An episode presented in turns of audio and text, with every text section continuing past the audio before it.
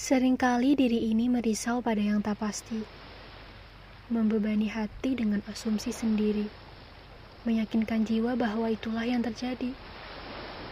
Pikiran bercabang, berusaha mencocokkan kejadian satu dengan yang lain, bersibuk diri dengan sesuatu yang dirasa mungkin.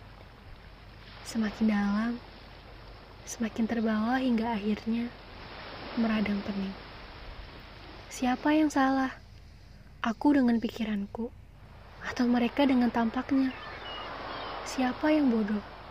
Aku yang terlalu memikirkan, atau mereka yang terlihat demikian? Pening rasanya jika harus selalu menuai asumsi pada setiap hal, padahal yang tampak belum tentu demikian. Letih rasanya selalu bertengkar dengan pikiran dan kenyataan. Kenyataan yang sungguh tak pernah memberi jawaban. Muak sekali dengan kehidupan jika harus selalu melulu memikirkan ketidakpastian. Bagaimana? Bagaimana agar aku bisa terbebas dari belenggu pikiranku sendiri?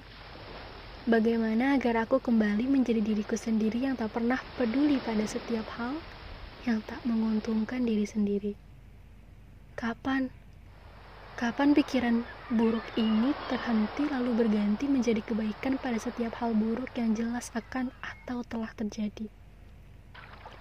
Dan apakah ada cara untuk meyakinkan diri bahwa apa pun yang terjadi, selalu ada kebaikan pada tiap-tiap mata yang mau melihatnya dengan hati? Aku selalu bertanya, kenapa pikiran berlebihan datang? Apakah ada pelajaran yang bisa kuambil darinya? Ataukah justru akulah pelajaran itu? Ataukah justru ini pertanda bahwa jiwaku sudah tidak baik-baik saja. Jangan tanya alasan kenapa. Kau tahu betul apa yang sedang kurasa lewat semua yang telah kukatakan sebelumnya. Dan alasan yang selalu terpikirkan adalah karena diriku dipenuhi kebencian. Aku sudah sampai pada titik di mana aku kelelahan. Harus selalu bergelut pada kenyataan dan rasanya Berperang pada diri sendiri serasa kegiatanku sehari-hari. Tak ada pilihan lagi selain berhenti. Bukan tak mungkin itu adalah hal yang sulit dilakukan.